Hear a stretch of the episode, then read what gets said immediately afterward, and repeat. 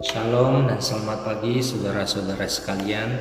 Hari ini kita sampai kepada perenungan Lukas pasal 10. Lukas pasal 10 ini sebetulnya terdiri dari 6 perikop yang merupakan kisah perjalanan Yesus dan murid-muridnya.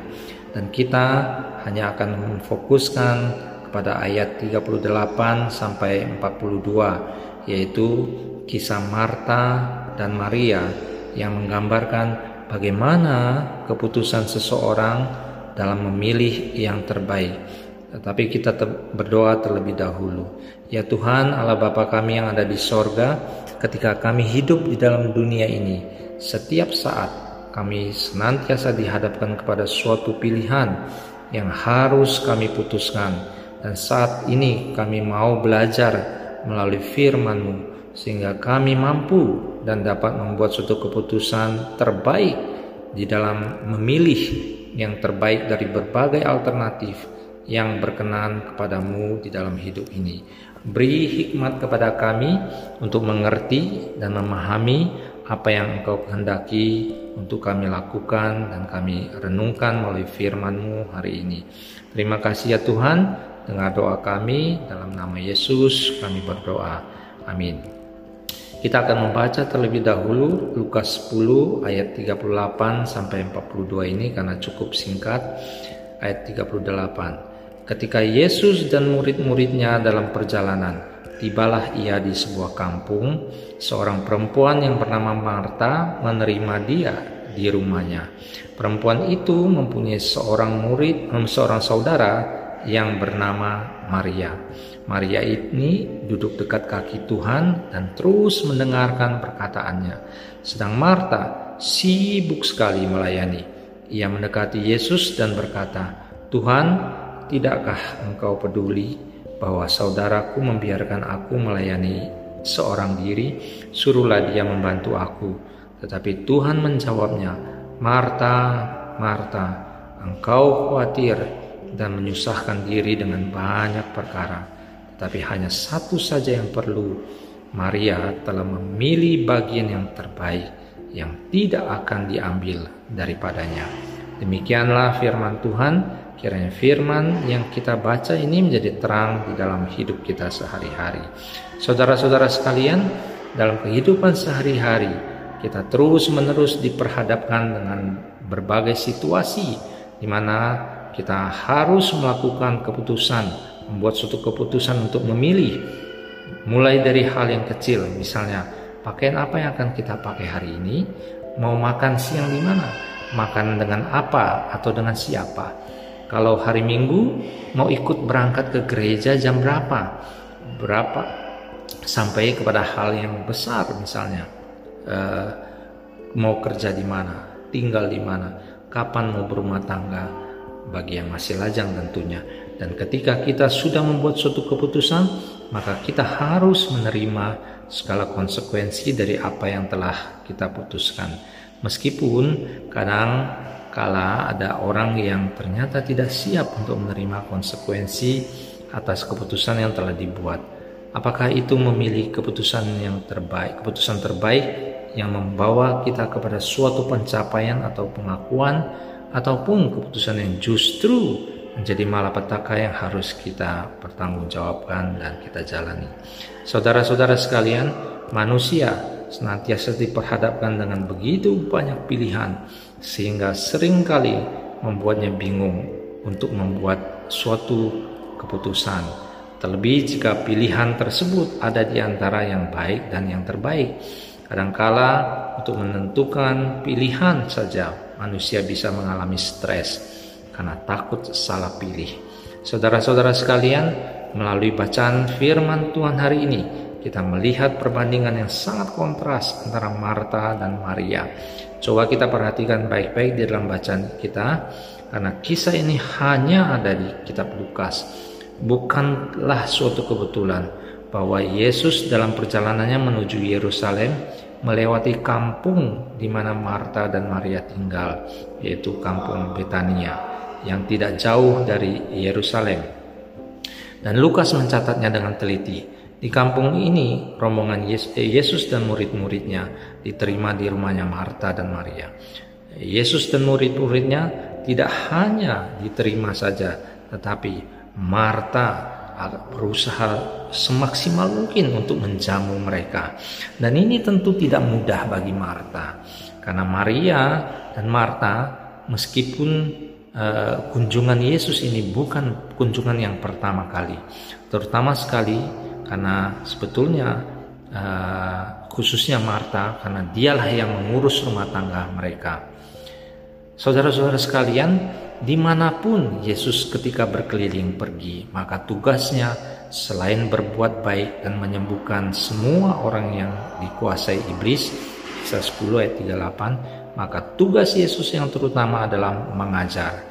Aktivitas mengajar inilah yang dilakukan oleh Yesus ketika Marta selaku tuan rumah sibuk menjamu Yesus dan rombongannya Keluarga Marta dan Maria sebetulnya memang adalah keluarga yang dikasih oleh Tuhan Yesus.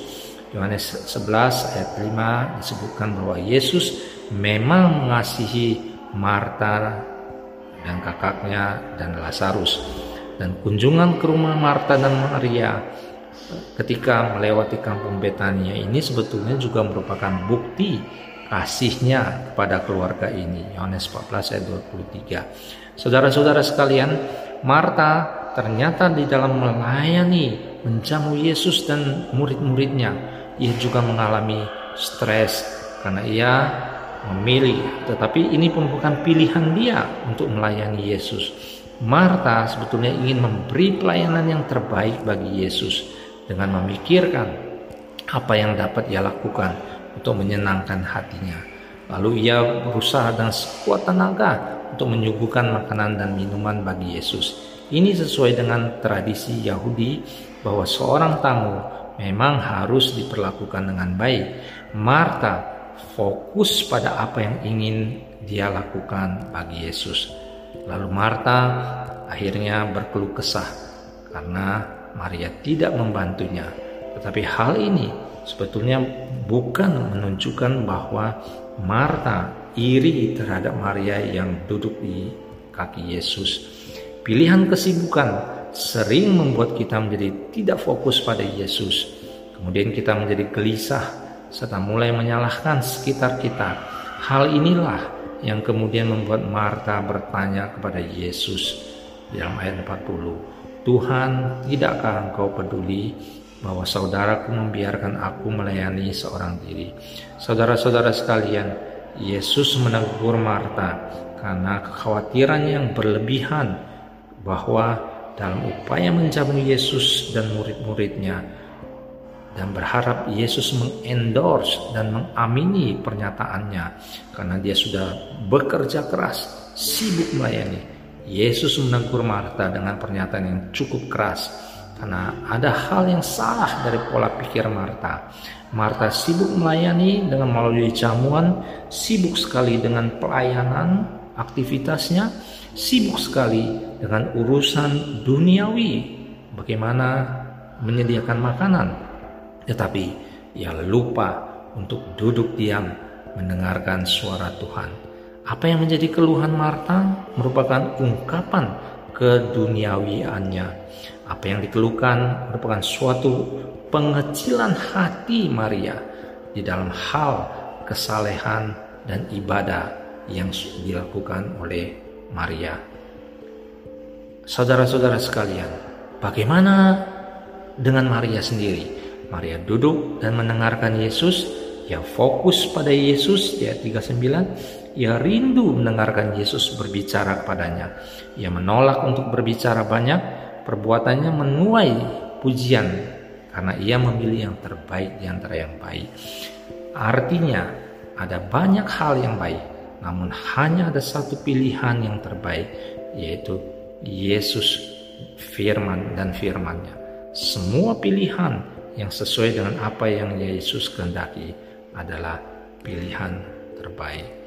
Maria dipuji karena ia mengambil keputusan untuk duduk diam, mengambil bagian bersama dengan Kristus yang merupakan bagian kekekalan yang tidak akan diambil daripadanya. Sebagaimana dalam Yohanes 13 ayat 8 kemudian Ibrani 3 ayat 14 dan Roma 8 ayat 7 yang merupakan bagian yang diberikan Kristus kepada orang-orang yang dikasihinya yang memperoleh bagian di dalam Kristus mengambil bagian bersama dengan Kristus. Saudara-saudara sekalian melalui kisah Maria dan Marta ini kita diingatkan bahwa terkadang kita sibuk memilih untuk melayani Tuhan dengan sepenuh hati tetapi kita lupa untuk diisi oleh Tuhan untuk duduk diam bersama Tuhan.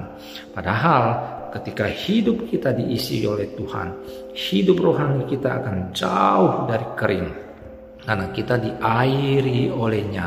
Jadi, apa pun keputusan kita di dalam memilih pelayanan, pilihlah yang merekatkan kita dengan Yesus. Ini akan menjauhkan kita dari keluh kesah terhadap lingkungan kita, terhadap keduniawian kita. Demikianlah firman Tuhan, eh, perenungan kita pada pagi hari ini. Kiranya firman Tuhan ini, perenungan yang singkat ini juga menggugah kita untuk mengambil bagian di dalam kekekalan bersama Tuhan. Duduk diam di kaki Tuhan yang merupakan suatu keputusan yang terbaik. Demikianlah firman Tuhan, kiranya uh, ini menguatkan kita. Amin.